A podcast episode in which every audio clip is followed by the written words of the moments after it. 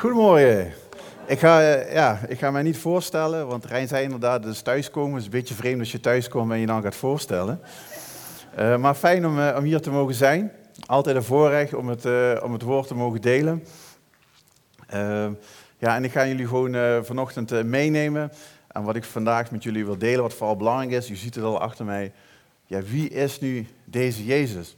En dat is denk ik gewoon een hele essentiële vraag in deze tijd. En ook jullie slogan erbij. Ik vind die echt super. Er zit echt alles in. Hè? Jezus volgen.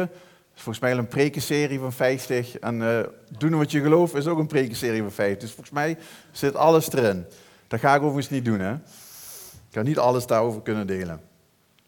Nou, die vraag komt natuurlijk uit Matthäus 16. Hè? Die, jullie kennen dat wel, dat verhaal dat Jezus aan zijn discipelen vraagt: naar wie denken jullie dat ik ben? En eigenlijk is dit misschien wel een hele belangrijke vraag. Misschien wel dé vraag in ons leven. Want in de kerk kunnen we het over een hele hoop dingen oneens zijn. Nou, bijvoorbeeld over de doop. Gaan we op zaterdag of zondag naar de kerk? Nou, vieren we sommige feesten wel of niet? Maar ja, dat is volgens mij niet uiteindelijk het meest essentiële. Maar wanneer we het mis hebben over Jezus, dan zetten we ons eeuwig leven op het spel. Want soms wordt Jezus gezien als een, ja, laat ik zeggen, een blonde Europeaan met blauwe ogen. Maar eigenlijk is dat een vertekend beeld van de Grieken, want zo zag Zeus eruit. Jezus wordt soms afgebeeld als baby. Dat zien we bij de Rooms-Katholieke Kerk. Daar wordt Jezus voornamelijk als baby uh, afgeschilderd. Uh, binnen de islam zien ze Jezus alleen als profeet. Soms zien ze Jezus, nou, een goede leraar of een spirituele leider of een of andere goeroe. Sommigen zeggen, nou, Jezus was een goed mens. Anderen zeggen, nou, hij was verlicht. dat zien we binnen het boeddhisme en binnen New Age. Daar was Jezus verlicht. Sommigen zeggen, nou, Jezus heeft helemaal niet bestaan.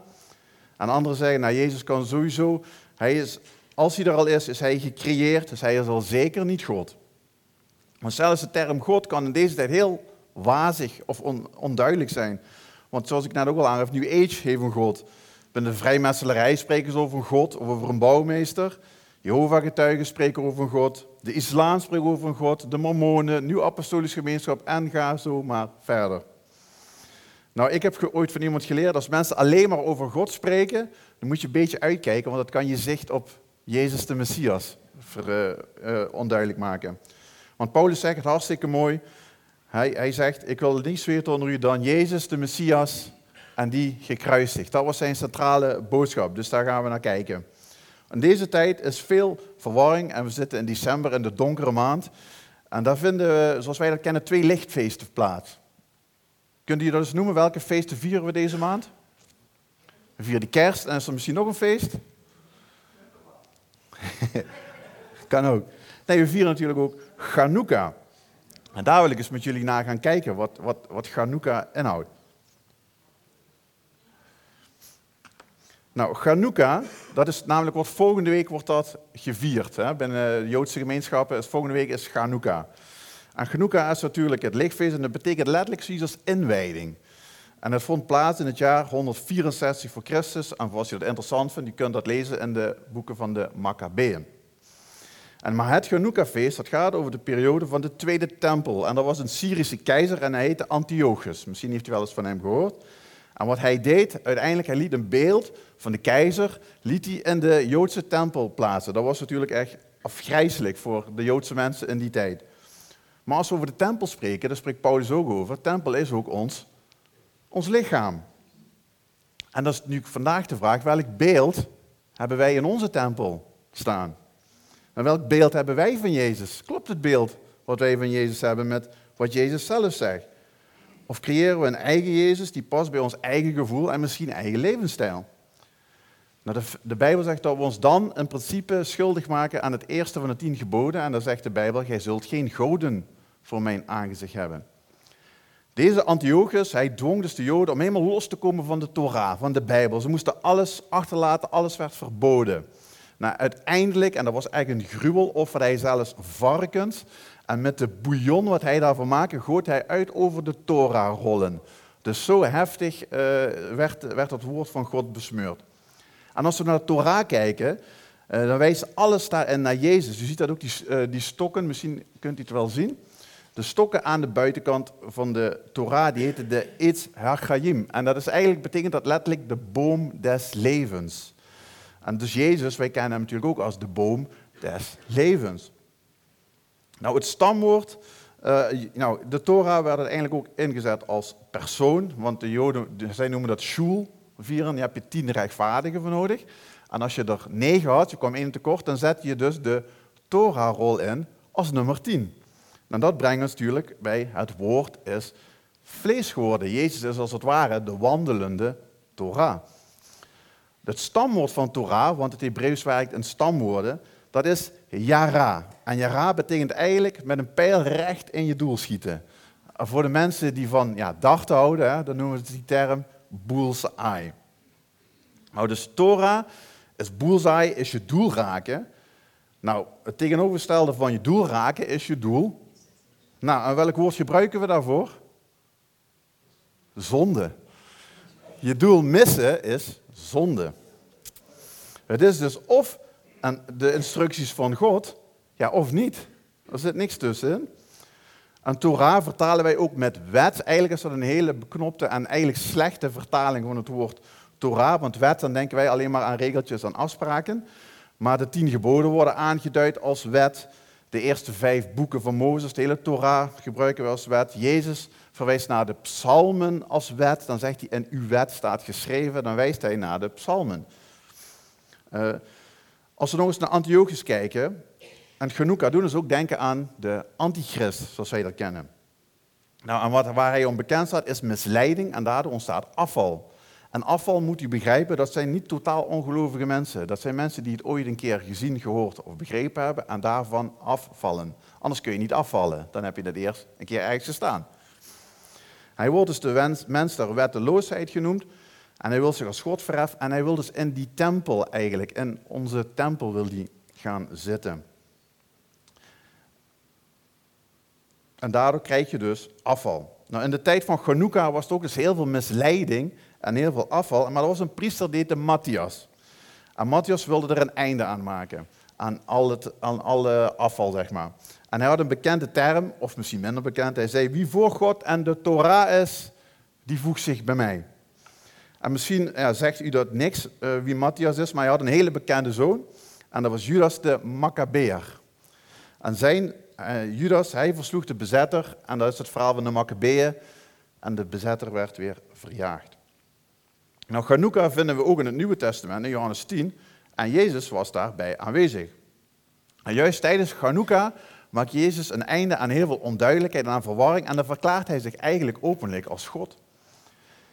Nou, ik heb een, uh, een ja, leraarachtige stijl van, van vertellen, dus ik heb ook veel teksten. Maar heel veel teksten komen u bekend voor. Ik heb ze dadelijk achter mij allemaal.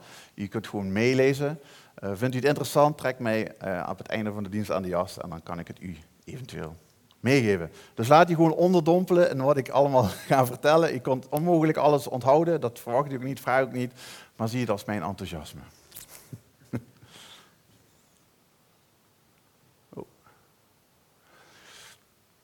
Nou, Johannes 10, dat is natuurlijk het uh, feest van vernieuwing, wordt daar genoemd. Dat is het Chanukka-feest. Jezus is daar. En dan is hij dus in de tempel van Salomo, zoals we dat kunnen zien. En daar noemt hij, wordt hij ook openlijk de Messias, de Christus genoemd. Jezus draait daar niet omheen en zegt, ja, ik heb dat altijd gezegd dat ik de Messias ben. Maar jullie, jullie geloven mij gewoon niet. En lees ik vanaf vers 27, mijn schapen horen mijn stem en ik ken ze en zij volgen mij. Vorige gaf ik het voorbeeld ook al aan Martien. Dat is een uh, rabbijn en een leerling. En de leerling zegt tegen zijn rabbijn, rabbi, ik wil echt graag de stem van God verstaan. Waarop de rabbi zegt, ja jongen, dan moet je je Bijbel lezen. En dan zegt de leerling, nee, maar u begrijpt mij volgens mij niet. Ik wil echt fysiek, zoals ik uw stem hoor, wil ik de stem van God in mijn oor horen. Wat moet je dan doen, Martien, de Bijbel? Dan moet je de Bijbel hardop lezen, zegt hij. En dat is niet eens komisch bedoeld, want Paulus zegt, want het geloof is uit het ja, dat is een hele Hebreeuwse Joodse gedachte. Dat is niet eens nogmaals komisch bedoeld. Als ander voorbeeld, nou wij hebben leuke, lieve kinderen. Uh, misschien zijn er meer mensen hier met kinderen. En soms vraag je ze of ze de kamer willen opruimen. Nou, die jongens doen dat altijd. Maar stel ze doen dat een keer niet. Stel ze doen het een keer niet, dan ga je naar boven en dan zeg je tegen nou, uh, ik wil graag dat je je kamer opruimt. Heb jij niet gehoord wat ik jou heb gezegd? Nou, mijn kinderen hebben niets fysieks aan hun oren. Maar ze willen gewoon eigenlijk niet doen wat ik hun gezegd heb. Dus horen, ook vanuit het Hebreeuws, betekent doen. Dat is wat horen inhoudt. Jezus zegt bijvoorbeeld, als je spreekt over de brede en smalle poort, die mijn woorden hoort en doet, die zal ik vergelijken met een voorzichtig man. Dus ik zou zeggen, Jezus volgen, doen wat je gelooft. En dan spreekt Jezus over het eeuwige leven. Dat is natuurlijk het centrale thema in de Bijbel, daar is Jezus ook voor gekomen. En niemand zal, uh, uh, Jezus heeft het over de eeuwigheid, niemand kan uh, uit zijn hand halen. Hè? Dus Jezus heeft het daar, daarover. En dan verklaart hij, ik en de Vader zijn één. En moet je voorstellen, in die tijd, als Jezus dat zegt, ja, dat, dat moet nogal wat geweest zijn. Want als je naar vers 31 kijkt, dan zien ze dat ze stenen pakken. Ja, hij heeft iets gezegd, hij heeft op de teentjes getrapt hoor. En Jezus zegt, nou ik heb vele treffelijke werken getoond. Van welke van die wilt gij mij stenigen? De Joden antwoorden hem, zeggende, wij stenigen niet over enig goed werk, maar over godslastering. Nou, wat is godslastering? Omdat u, u bent een mens en u maakt uzelf God. Dus Jezus zegt heel duidelijk, ik ben God. Want de Vader en ik zijn één. En één, dat is natuurlijk een Hebreeuwse uitspraak. Jezus zegt eigenlijk, de Vader en ik, wij zijn En die term wil ik u kort uitleggen, want Egat komt uit het wat we noemen het Shema Israël, oftewel het Hoor Israël. En dat is het Joodse geloofscredo. En dat leert een jong kind wanneer die kan spreken. En het wordt zelfs opgelezen wanneer een Joods iemand op sterven ligt, dat diegene niet meer ademt. Misschien een vervelende figuur voorbeeld, maar vanuit de Tweede Wereldoorlog is zelfs bekend dat bij het binnengaan van de gaskamers dat het Shema Israël op de lippen van de Joodse mensen te horen was, om te illustreren hoe nader dat tot het hart ligt, het Shema Israël. En dat is natuurlijk Deuteronomium 6. En er staat, hoor Israël. Horen is doen. De Heere onze God is een enig Heere. Oftewel, Echad. Dat is wat Jezus zegt, de Vader en ik zijn Echad. Zo, en wat moeten ze dan doen? Ze moeten God lief hebben. Met heel hun hart, heel hun ziel en heel uw vermogen. Dus de kern van het Shema, van het Echad, is liefhebben. En we noemen Echad een samengestelde eenheid. En als we kijken naar Genesis 1, vers 5, dan wordt gesproken over licht. Dat noemen we de dag, duisternis, nacht. Ja, wij zullen zeggen, ja, dat zijn toch twee verschillende dingen. Maar God zegt, dat is de eerste dag, Echad. Dat is licht en dag zijn samen.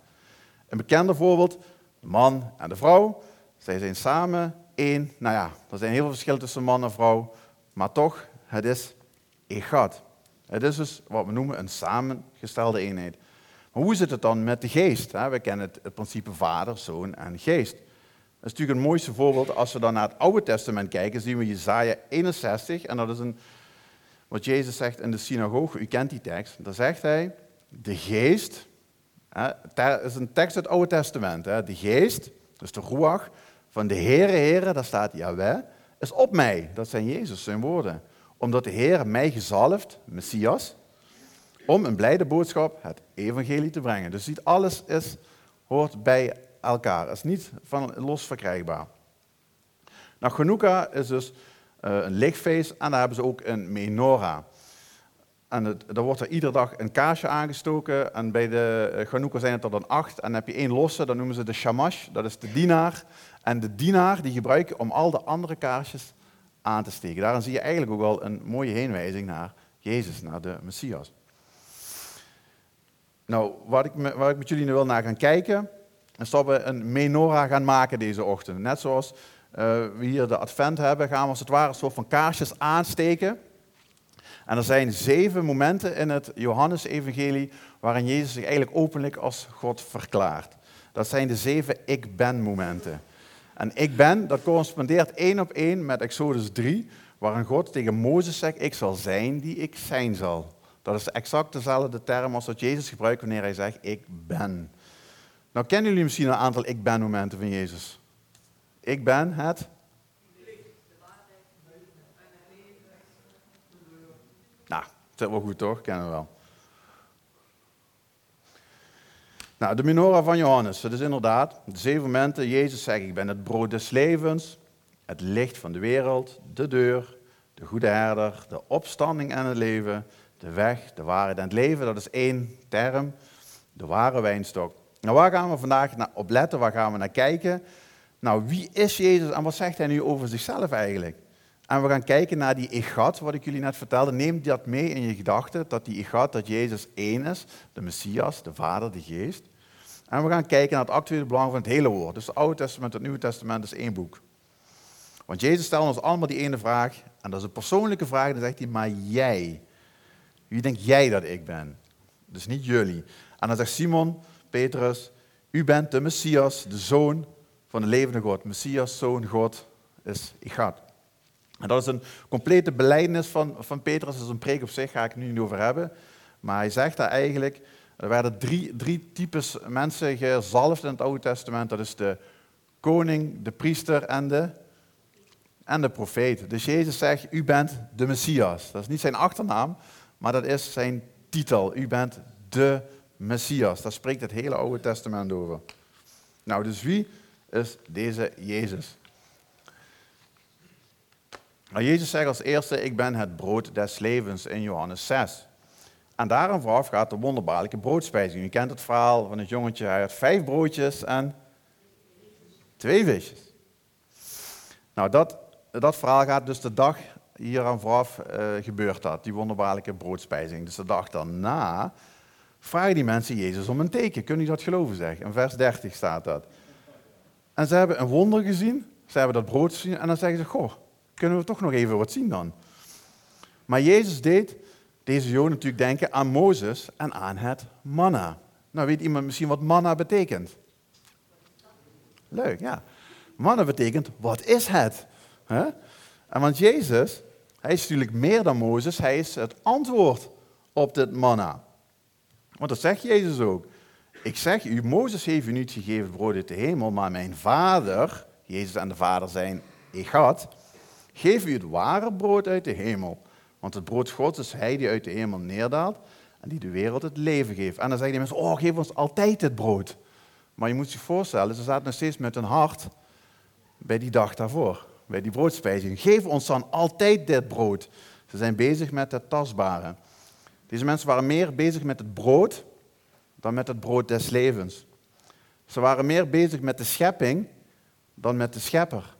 En sommige mensen zijn meer bezig met de zalving dan dat ze bezig zijn met de gezalfde. En dan op dat moment zegt Jezus, ik ben het brood des levens. En zegt, als je bij mij komt, zul je nooit meer honger hebben. En als je mij gelooft, zul je nooit meer dorst hebben. Maar jullie hebben mij gezien en toch geloven jullie niet, zegt Jezus. En we kunnen in Psalm 78 kunnen we lezen, dat gaat over het wonder van het mannen en de woestijn, dat, die, dat deze mensen nog steeds zondigen en nog steeds niet geloven, ondanks al de wonderen die ze zijn. Ze geloven het nog steeds niet. Dus een wonder waarvan ik geloof dat ze nog bestaan, is geen garantie tot geloof. Dat betekent niet dat je het ook snapt. Dan gaat Jezus verder met zijn onderwijs en laten we zeggen, als klap op de vuurpijl geeft hij uitleg. En doet Jezus niet meer geven, maar nu gaat hij vragen. En dan gaat hij het erover hebben van uh, het vlees van de, van de zoon des mensen. Moeten we zijn vlees eten en zijn bloed drinken. Maar dan spreekt hij ook over het eeuwige leven. Dus dit heeft alles te maken met de slogan van Conventie, met Jezus volgen en doen wat je gelooft. Je oude leven achter je laten, je kruis oppakken. Je kruis, het kruis stond op Golgotha. Dat betekent sterven aan jezelf. Het gaat dus, laat ik naar mezelf kijken, niet meer om mij, maar het gaat om Jezus. Deze mensen wilden eigenlijk het gewoon comfortabel en makkelijk. Jezus geeft ons toch lekker te eten, iets wat we, kunnen, wat we kunnen aanraken, wat we kunnen proeven, zien, voelen, ervaren, beleven, noem maar op. Ze willen het vooral niet zelf doen. Gods woord was voor deze mensen niet genoeg. Ze prefereerden in dit geval de ervaring boven de gehoorzaamheid. En ze hebben daardoor een eigen beeld van Jezus gecreëerd. En als we verder lezen, vers 16 staat er, vele van zijn discipelen, er staat niet vele ongelovige mensen of die om de bocht kwamen kijken. Nee, dat waren discipelen. Dit horende zeiden, deze reden is hard. Wie kan het horen? Horen is, is doen. Ze hadden niks aan hun oren, maar ze wilden niet volgen. Ja, en Jezus, hij, hij, hij, hij krijgt het mee. En dan zegt hij, goh, ergert jullie dit, wat ik nu vertel? Deze mensen, laten we zeggen, geloofden wel. Want hoeveel mensen geloven geloven tegenwoordig. Ja, ik geloof in God of geloof Maar heel veel mensen willen Jezus toevoegen aan hun agenda. Maar je kunt Jezus niet toevoegen aan je agenda, want Hij is je agenda. Wanneer je Jezus gaat volgen en doen wat je gelooft. En in vers 66 zien we dus dat vele van zijn discipelen niet meer wandelen. Denk weer aan de grote afval. Vele discipelen zeggen nee, laat me zitten. Nou, Jezus ervaart het verlies van de grote massa. Nou, laten we zeggen, niet een al te best evangelisatiemoment. Als je op de markt in Maastricht staat of waar dan ook, en iedereen loopt weg. Nou, en soms kunnen we in de kerk ook bang zijn, toch, om aantallen te verliezen. En het gevolg kan zijn dat we dan de boodschap aanpassen. We willen minder over zonde spreken. We moeten vooral spreken wat het mensen oplevert, want ja, dan blijven mensen wel zitten. Maar ja, wat is de reactie van Jezus? Hij, hij draait zich als het ware om naar de harde kern, naar de apostelen. En dan zegt hij, nou eigenlijk snoeien hard toch? Nou, willen jullie dan nu ook niet weggaan? Ja, ja, maar dus dan komt weer die Petrus komt weer naar voren. En dan zegt hij, maar u heeft de woorden van het eeuwige leven. En dan komt weer die beleidenis, u bent de Messias, de Zoon van de levende God. Alles weer in één adem. Dat is de, de geloofsbelijdenis van Petrus. Maar Jezus geeft ons de optie om hem te volgen, maar het resultaat, mensen, is eeuwig leven. Nou, het volgende kaarsje wat we gaan aansteken. Zijn ze allebei voor mij? Seven up. Nou, dat is onze tweede, tweede kandelaar, laat maar zeggen, is het licht van de wereld. En Johannes 8 gaat over de overspelige vrouw. U kent dat verhaal. Maar overspel kunnen we ook geestelijk zien. Laat ik het even ook op mezelf betrekken. Dit is geen, niet alleen een fysieke daad, maar dit heeft ook te maken met andere goden voor Gods aangezicht hebben. Dat is ook overspel.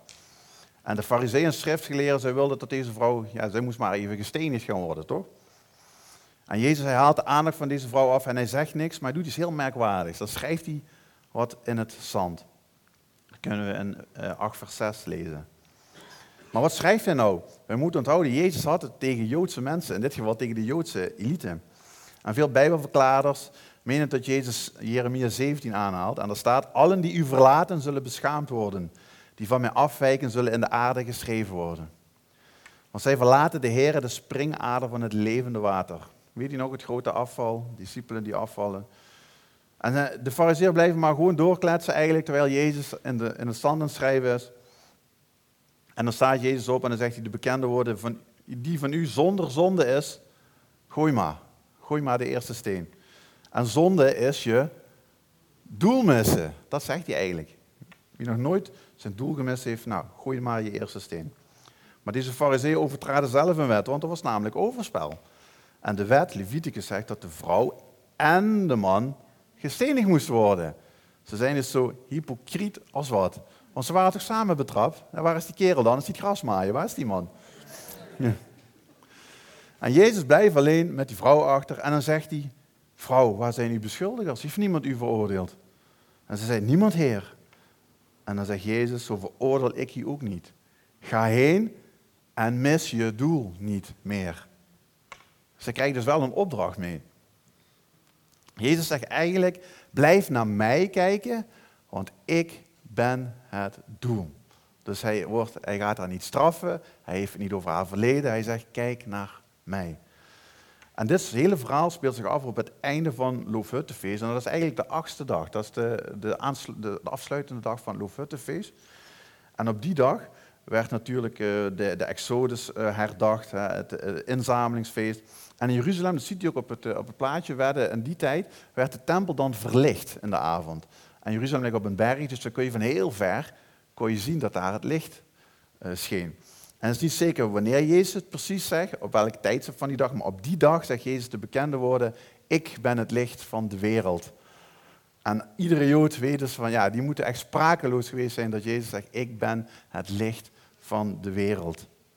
Want iedere Jood die weet dat God het licht is. Dat weet ieder, ieder Joods kind. Psalm 27 zegt, de Heer is mijn licht en mijn heil. Jezus zegt, ik ben het licht van de wereld. Psalm 18, Gij doet mijn lamp lichten. De Heer, mijn God, doet mijn duisternis opklaren. En een hele bekende, uw woord is een lamp voor mijn voet, een licht voor mijn pad. Dus wees een mens zonder geheimen, dat is wat Jezus eigenlijk zegt tegen deze vrouw. Jezus wilt u en mij vergeven, maar ga in het licht wandelen. Erken uw zonde, erken dat u uw doel heeft gemist. Jezus bestraft u niet, maar hij zegt, kijk naar mij. Hij is het antwoord. Hij laat u vooruit kijken.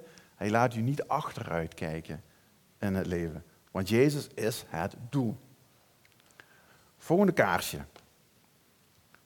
Nummer drie. Jezus zegt, ik ben de deur. Iemand die door mij ingaat, die zal behouden worden. Het eeuwige leven. En hij zal ingaan en uitgaan en weide vinden. Als Jezus zegt, ik ben de deur, dan bedoelt uh, Jezus niet zo'n deur wat je bij de gamma krijgt, hè, die planken waar je hem zo mee openmaakt, maar dan bedoelt Jezus de doorgang. Dat bedoelt hij daarmee. Hij is de doorgang naar God de Vader. En leuk om te weten, de Hebreeuwse letter Dalet, dat betekent letterlijk deur. En Dalet is de vierde letter in het Hebreeuwse alfabet. Nou, uit welke stam kwam Jezus? Uit de stam van? En hoeveelste zoon is Juda van Jacob? Hij is de vierde zoon, leuk hè? Dus de Dalet, deur, vierde letter, Juda ook vier. En de stam van Juda, dat kunt u ook zien, ik heb het geprobeerd te omcirkelen daar, die stonden als het ware voor de deur van de tabernakel. Dus nogmaals, je moet het door Joodse ogen beleven, het evangelie.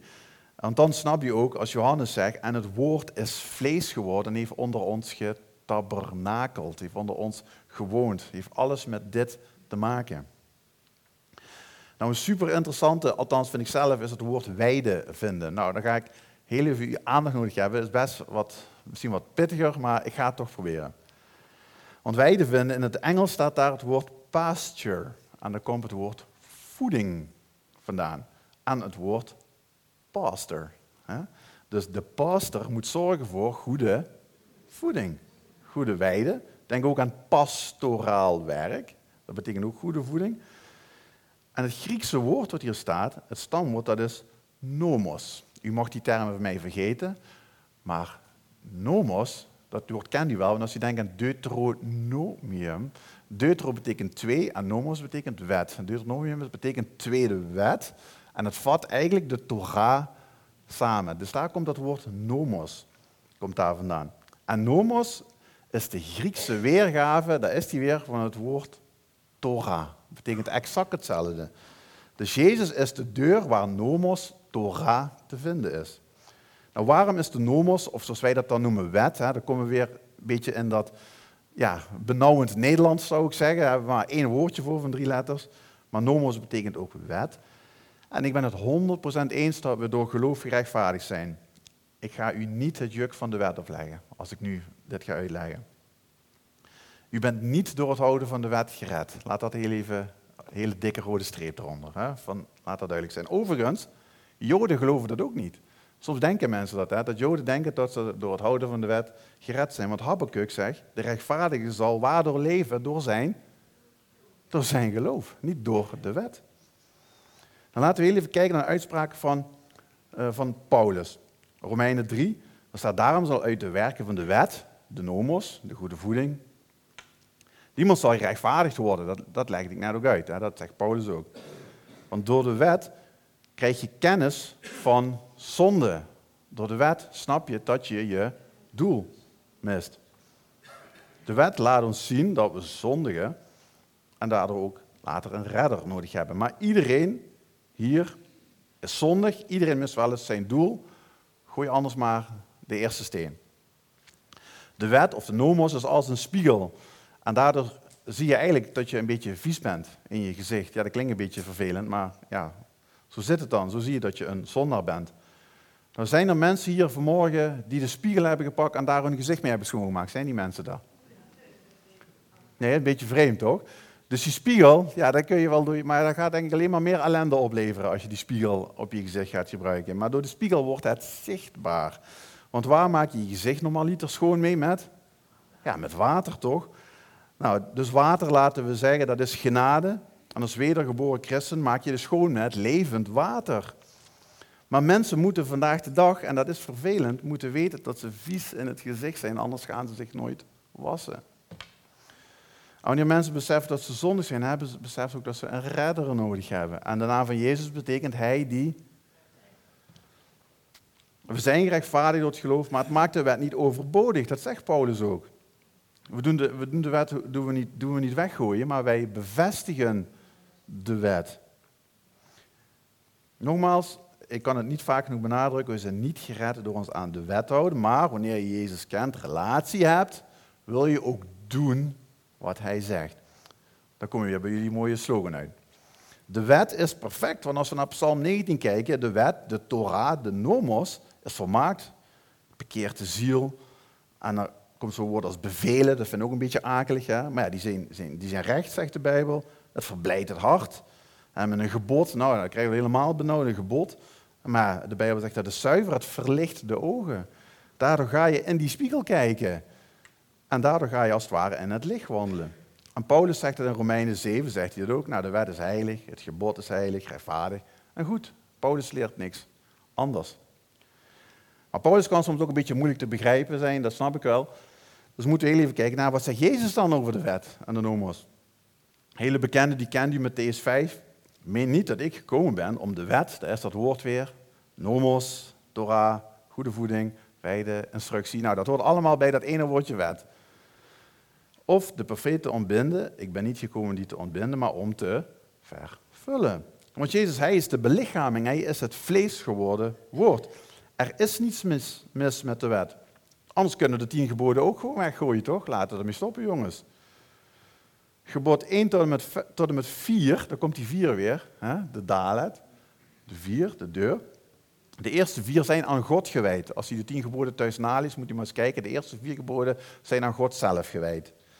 En gebod 5 tot en met 10, dat zijn de andere zes, is aan de mens. En 6 is het cijfer van de, van de mens. Dus zelfs bij het geven van de wet dacht God meer aan zichzelf, of meer aan anderen, sorry, dan aan zichzelf. Nou, ik noem dat liefde. En wat zegt Jezus over de wet in combinatie met het eeuwige leven? wij zeggen dan als christen, ja, Jezus heeft de wet samengevat. Nou, oké, wat betekent dat dan? Als we naar Lucas 10 kijken, is een wetgeleerde en die verzoekt hem.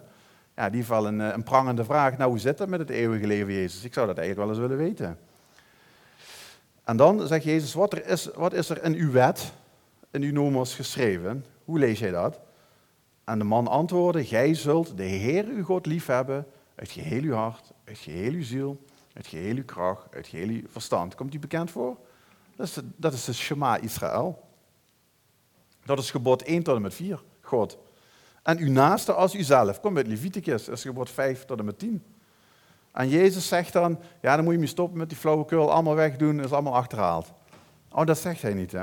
Hij zegt, doe dat en je zult leven. Dus de kern van de wet is liefde. Het grote gebod, zoals wij dat als christenen ook op al onze sites zetten, komt rechtstreeks uit de wet. We zien ook in Marcus 12, daar zie je dat letterlijk, hè, daar gaat het over het eerste van de geboden, zegt Jezus, is, is het Shema Israël, het hoor Israël. En wij roepen als christenen terecht hè, dat de vrijheid in Christus is, daar ben ik het helemaal mee eens. Maar vrijheid komt nooit zonder verantwoordelijkheid. is onmogelijk. Kijk maar naar Adam en Eva. Ze hadden alle vrijheid. En toch zei God, en daar blijf je vanaf. Er was heel veel vrijheid, maar toch was er duidelijk al van, maar dat kan niet. En misschien een heel uh, slecht voorbeeld, maar als ik daar naar het toilet ga hier beneden en ik neem alle vrijheid om de deur open te laten staan, ik blijf een kwartier zitten, ik spoel niet door, nou dat vind ik prettig, ik neem daar alle vrijheid mee. Hè? Maar het heeft ook verantwoordelijkheid en anderen kunnen daar last van hebben. Dus het, vrijheid kan nooit zonder verantwoordelijkheid, het kan nooit betekenen, doe maar wat je wilt, hè? vrijheid in Christus. Dat, dat, dat, dat kan gewoon niet. En soms worden mensen en daar word ik persoonlijk een beetje verdrietig van. Soms worden mensen wel eens wettisch of religieus genoemd. Of zeggen ze, je bent een fariseer, zeggen ze dan. Hè? Een fariseer, is mijn ervaring, is een scheldwoord geworden in de kerk. Is niks moois aan, toch, als iemand je fariseer noemt.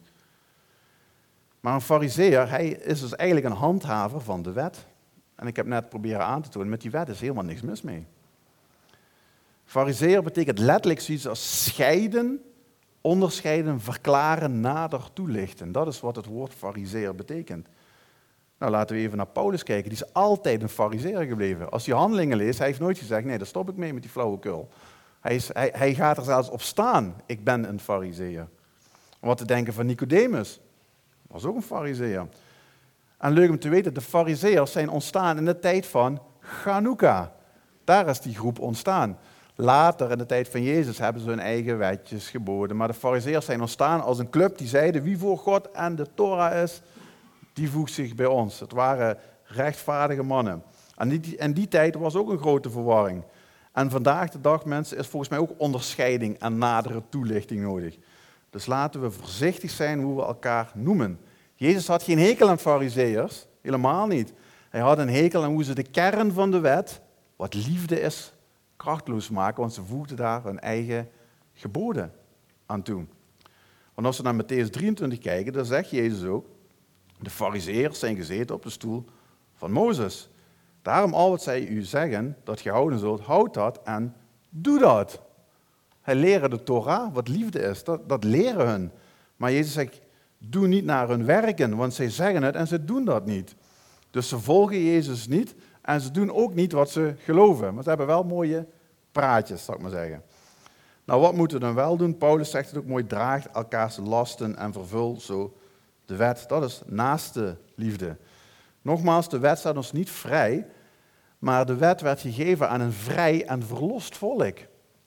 Want de Hebreeërs, Israël, werd uit Egypte bevrijd. En hoe noemen we dat? Dat noemen we, dat noemen we genade, toch? Als je bevrijd wordt uit Egypte, uit de slavernij.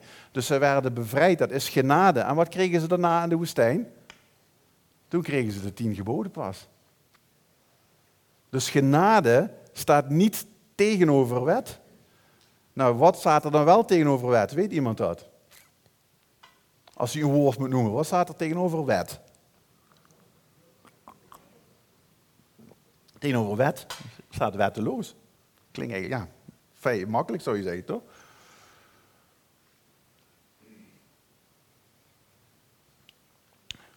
Nou, daar is hij. Tegenover wet staat wetteloos. En u mocht je woord nogmaals vergeten. We hebben het over de nomos gehad. Maar in het Grieks is heel leuk. Daar heb je een tegenovergestelde woord. Dat heet anomos. Dat is het tegenovergestelde van, van de wet. En dat betekent iemand zonder wet, een overtreder of minachter van de wet, voor die het interessant vindt, zelfs in het Nederlands heb je daar een woord voor, antinomisme heet dat. En dat is een denkwijze of levensbeschouwing die zich niet aan wetten of wetsbepalingen onderwerpt.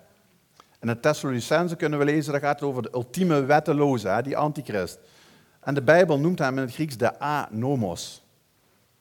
En door misleiding, dat is waar hij mee bezig is, ga je je doel missen. Maar zonde staat gelijk aan wetteloosheid, zegt Johannes. Het is exact hetzelfde.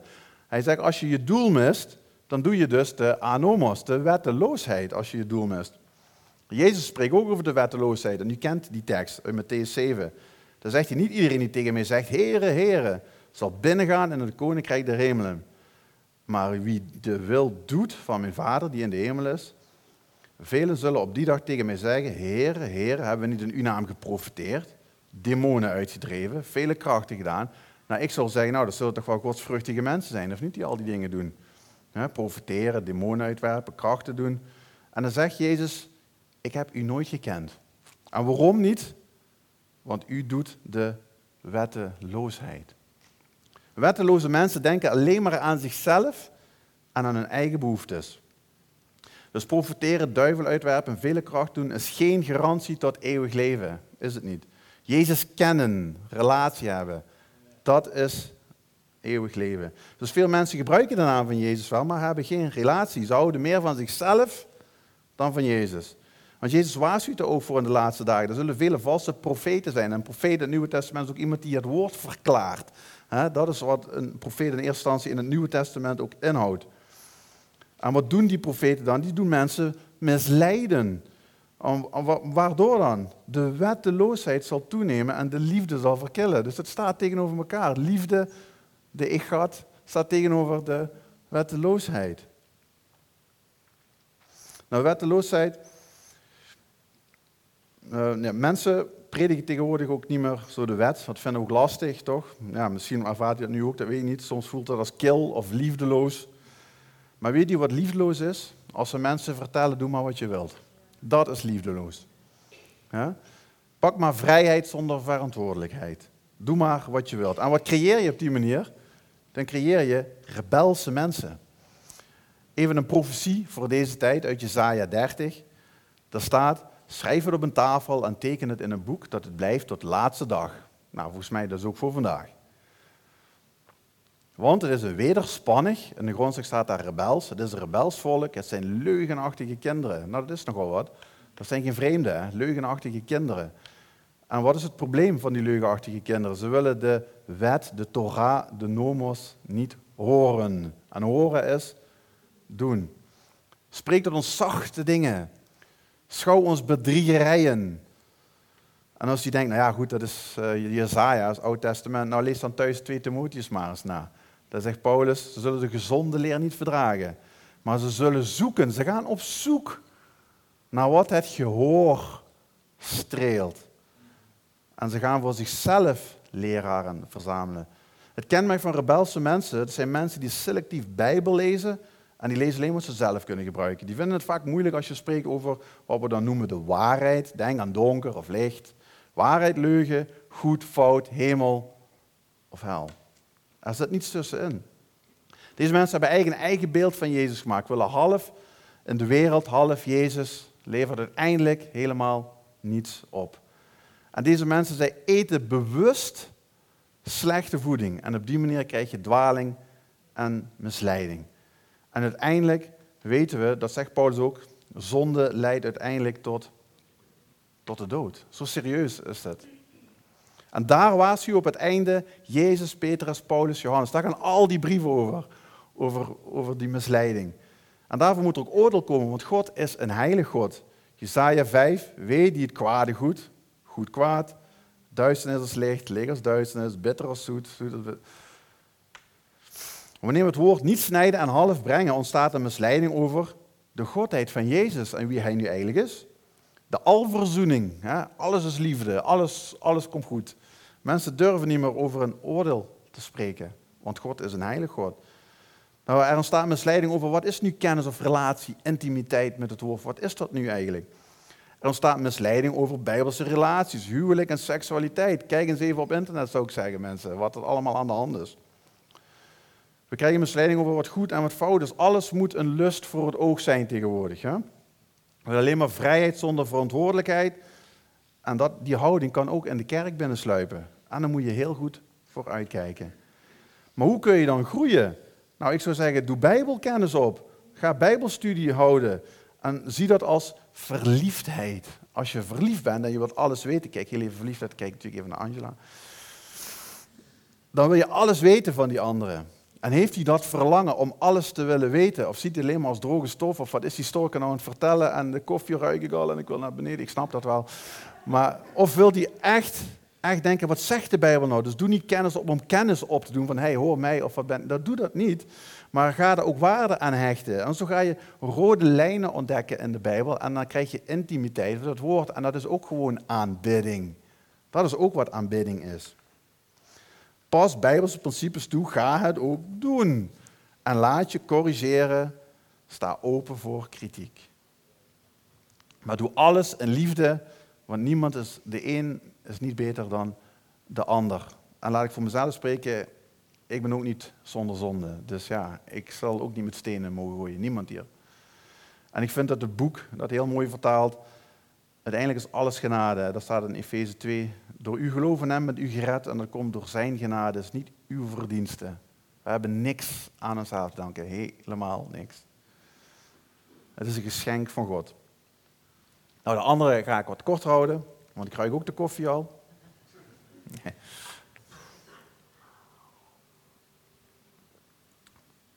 Kun je nog een beetje volgen? Oké. Nou, nummertje vier. De goede herder. Nou, iedereen kent die uitspraak toch? Jezus zegt, ik ben de goede herder. Dat is overigens de middelste van de zeven. Wel interessant, hè? De middelste houdt alles omhoog. Jezus zegt, ik ben de goede herder. En iedere Joods kind, want Jezus heeft het tegen Joden, kent Psalm 23 uit zijn hoofd. En daar staat, de Heer is mijn herder, mij zal niets ontbreken. Boom. Meteen een statement van Jezus.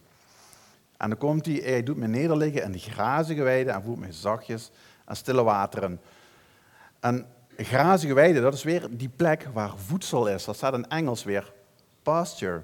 In het Hebreeuws staat daar een woord na'a. En dat woord dat correspondeert één op één met het woord weide vinden, waar ik het net misschien veel te lang over heb gehad. Dat woord nomos. In Israël, dat zie je ook op dat plaatje, als wij aan weiden denken wij, ja, Nederlandse koeien toch, je ziet aan de polder, lekker gras allemaal, ja, vergeet het maar. Zo was het in Israël niet. Ze moesten goed op zoek gaan naar goede voeding. Je moet een beetje uitkijken wat je eet. Dus de schapen moesten echt vertrouwen op hun herder. En waarom? Want Hebreeën 5 zegt dat voor de volwassenen is er het vaste voedsel voor hen die de zintuigen door het gebruiken van geoefend hebben. En waarom? Om te kunnen onderscheiden. Je bent een fariseer. Je bent Nee, de Bijbel zegt je moet leren onderscheiden tussen goed en kwaad. Ga je Bijbel opeten, als het ware. Het is goed voedsel. Ga ook niet overal zomaar voedsel halen. Misschien mag ik niet meer komen, maar, maar nodig ook niet zomaar iedereen uit, zou ik zeggen. Hè? Wees daar een beetje voorzichtig mee. Want heel internet staat vol met allerlei vormen van leer en theologie. En waak er in de kerk voor dat je gezond voedsel, gezond voedsel binnenhaalt. En daarom zijn oudsten of leiderschap, leraar, daarvoor is, iedereen, daarvoor is dat zo belangrijk. Maar uiteindelijk is iedereen voor zichzelf verantwoordelijk. Ik kan niet zeggen, ja, dat heeft hij verkeerd uitgelegd, hebben ze me nooit. Je bent verantwoordelijk voor jezelf. Wees als een bereer. Wat deden de bereers? Ze onderzochten dagelijkste, ze onderzochten dagelijkste geschriften. En deze mensen deden Paulus toetsen. Hallo, Paulus, hè? Die hele brieven. Ze deden hem dagelijks toetsen. Nou, hoeveel meer moet je Michael Storr kunnen wel niet toetsen, zou ik zeggen. Hè? um, ja, de opstanding en het leven, zeg je, daar rechts staat nog Jezus leeft. Uh, stond vroeger hier. Ik vond het heel mooi altijd. Als kind deed ik daar altijd een soort van boggel mee. Hè? Zo van, uh, wat kan ik ervan maken? Maar ik vond het hartstikke fijn om altijd uh, te zien. Het is toch, een, uh, toch in mijn geheugen geprent of een meer. Dus ik vond het wel leuk om te laten zien. De opstanding in het leven gaat over het verhaal van Lazarus. En Lazarus lag vier dagen in het graf. Ja, dat klinkt een beetje, beetje vervelend, maar het begon te stinken, zegt de Bijbel. En dat zegt Martha. Martha is de zus van Lazarus. En wat leuk is om te weten, Joden geloofden in die tijd dat de ziel drie dagen, dat hij na drie dagen het lichaam ging verlaten. En na hoeveel dagen komt Jezus? Na vier, daar is hij weer, de nummer vier. Vier moet je ook denken, Jezus stond op na drie dagen. Wij staan in dit geval als mens de vierde dag na hem op. Jezus is de eersteling en gaat in alles voor. En Jezus zegt tegen haar, dat is dus Martha, dat is de zus van Lazarus, ik ben de opstanding en het leven, die in mij gelooft zal leven, al was hij gestorven. En ieder die leeft en in mij gelooft, zal niet sterven in de eeuwigheid. Geloof je dat? Dat is eigenlijk een vraag wat wij vandaag ook krijgen. Ja, geloof, geloof je het wat ik, wat ik zeg? Dat is mijn woord genoeg. En dan komt Martha met een statement. Je ziet dat het echt een Joods statement is, dat Joden dit helemaal begrijpen. Hetzelfde statement als Petrus. U bent de Messias, u bent de zoon van God. En overigens, Martha beleed het voordat Lazarus opstond. Dat is ook goed om te beseffen. Hè? Zij klampt zich helemaal vast aan Jezus. Paulus zegt dat er zonder opstanding niet eens geloof is. Zo zouden wij nog in onze zonde zijn. We zouden nog steeds ons doel missen als Jezus niet uit de dood was opgestaan. Dat is ook wat het christen zijn inhoudt, hè? Dat die opstandingskracht. Nou, misschien leuk om te weten, ik heb het in het begin over de egat gehad. En als je dan kijkt naar de opstanding, dan, dan kan het soms misschien verwarrend zijn. Hè? Maar in Hebreeën 13 staat dat God de goede herder uit de dood heeft gebracht. In Johannes 10 zegt Jezus, ja, ik leg het af en ik pak het op.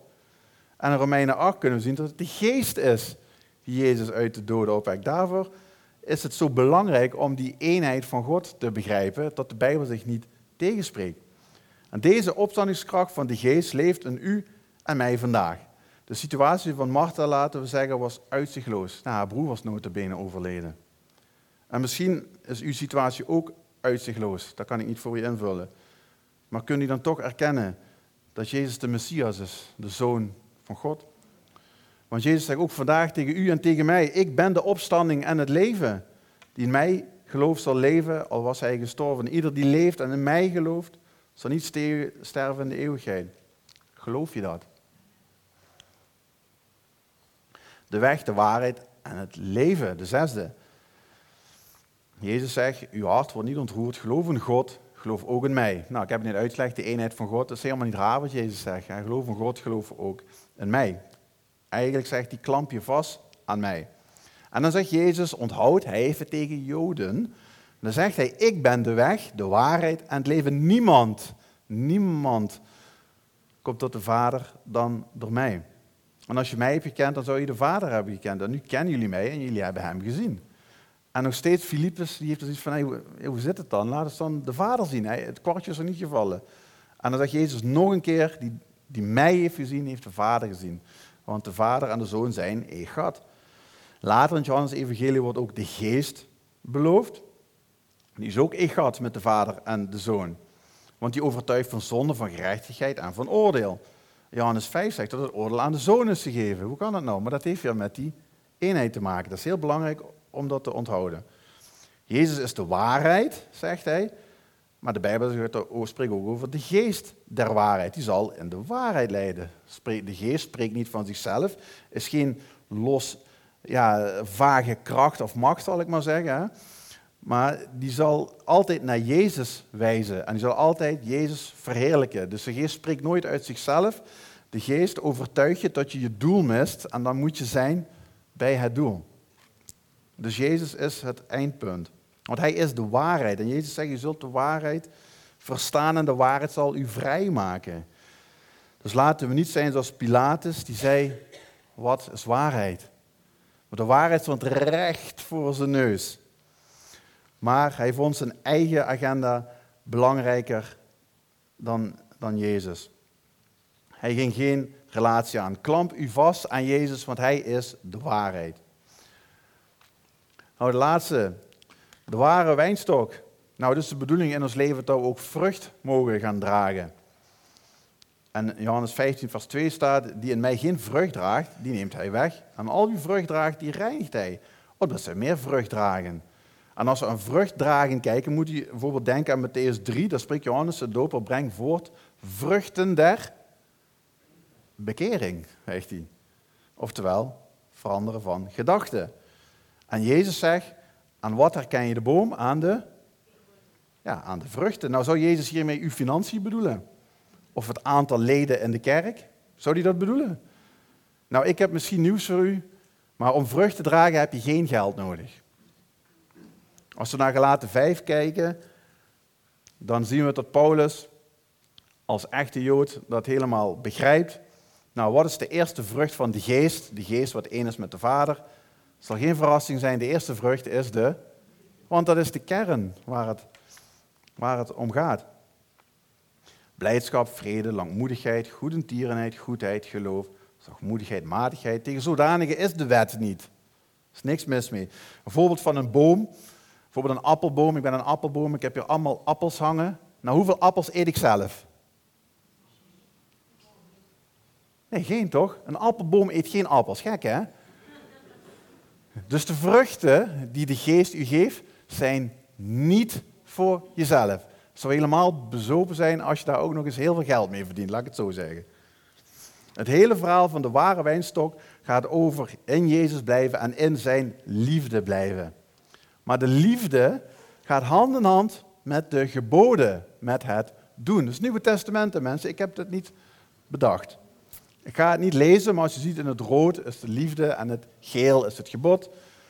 Er staat er lief gehad, mijn liefde, mijn geboden, mijn liefde, de geboden van mijn vader, liefde, dit is mijn gebod, dat hij lief heeft. Gaat in één stuk, gaat het zo door. Jullie zijn mijn vrienden, doe wat ik u gebied. En dan zegt hij, jullie hebben mij niet uitverkoren, maar ik heb jullie uitverkoren. Alles is genade. Dit gebied ik u, dat u elkaar lief heeft. Nou, het Johannes Evangelie, zoals ik jullie misschien heb kunnen laten zien, is een heel Joods boek. Jezus is nog steeds geheel verbonden met het Joodse volk en met Israël. Want Jezus wordt geboren als de koning der. En Johannes 1 wordt hij genoemd de koning van Israël door Nathanael, die zegt dat. Jezus wordt gekruisigd als de koning der. En hij zal terugkomen als de leeuw van. Toch wel Joods, hè? Jezus is het antwoord op alle zonden, maar hij vergeeft u ook. Hij is de enige welke onze tempel, ons lichaam, onze gemeente opnieuw kan inwijden. Dat is wat Chanukka betekent. Wijd uw leven aan Jezus. Hij is het doel. Met hem schiet je altijd in het midden van de roos, oftewel bullseye. De menorah van Johannes geeft dus een beeld van wie Jezus is. Hij zegt, ik ben het brood des levens, het licht van de wereld, de deur, de goede herder, de opstanding en het leven, de weg, de waarheid en het leven, de ware wijnstok. En soms kom ik mensen tegen die zeggen, ja, maar Jezus zegt netelijk, hoi, ik ben God. Nee, dat klopt. Maar dan staat ik nergens dat Jezus zegt, hoi, ik ben niet God. Dus dat is een beetje flauw. Hè? Maar soms als mensen dat aanhalen, dan is het goed dat die uh, mensen mee kunt nemen in de Bijbel, zoals bijvoorbeeld de stukken die ik nu heb laten zien. En laat mensen begrijpen dat ze door Hebreeuwse en Joodse ogen ook naar Jezus moeten kijken, want dan begrijpen ze ook veel beter wat hij zegt. Want Jezus is en blijft de Joodse Messias die gestorven is voor de hele wereld. Nou, eigenlijk weer die beginvraag, wie denk jij dat ik ben? En Lucas, hij vat eigenlijk samen wat ik verteld heb. En dat is overigens na die opstanding weer. Hè? Want die opstanding waren we weer nergens. En dan zegt hij, dit zijn de woorden die ik tot u sprak als ik nog met u was. Namelijk dat alles vervuld moest worden wat voor mij in de wet van Mozes en de profeten en de psalmen. Toen opende hij hun verstand, zodat zij de schriften, het Oude Testament, verstonden. En zeiden tot hem, is er geschreven, alzo moest de Messias lijden en van de doden opstaan op de derde dag. En in zijn naam gepredikt worden bekering en vergeving van zonde aan alle volken beginnen van Jeruzalem. Nou, ik ken een man en hij is de grootste man uit de historie. Hij had geen dienaren en toch noemden ze hem meester. Hij had geen opleiding gehad en toch noemden ze hem leraar. Hij had geen medicijnen, toch noemden ze hem geneesheer. Hij had geen leger en toch waren koningen hartstikke bang voor hem. Hij won geen militaire veldslagen en toch veroverde hij de hele wereld. Hij heeft geen overtreding begaan en toch hingen ze hem aan een kruis. Hij werd begraven in een graf, toch leeft hij vandaag. Zijn naam is Jezus. Shalom en amen. amen.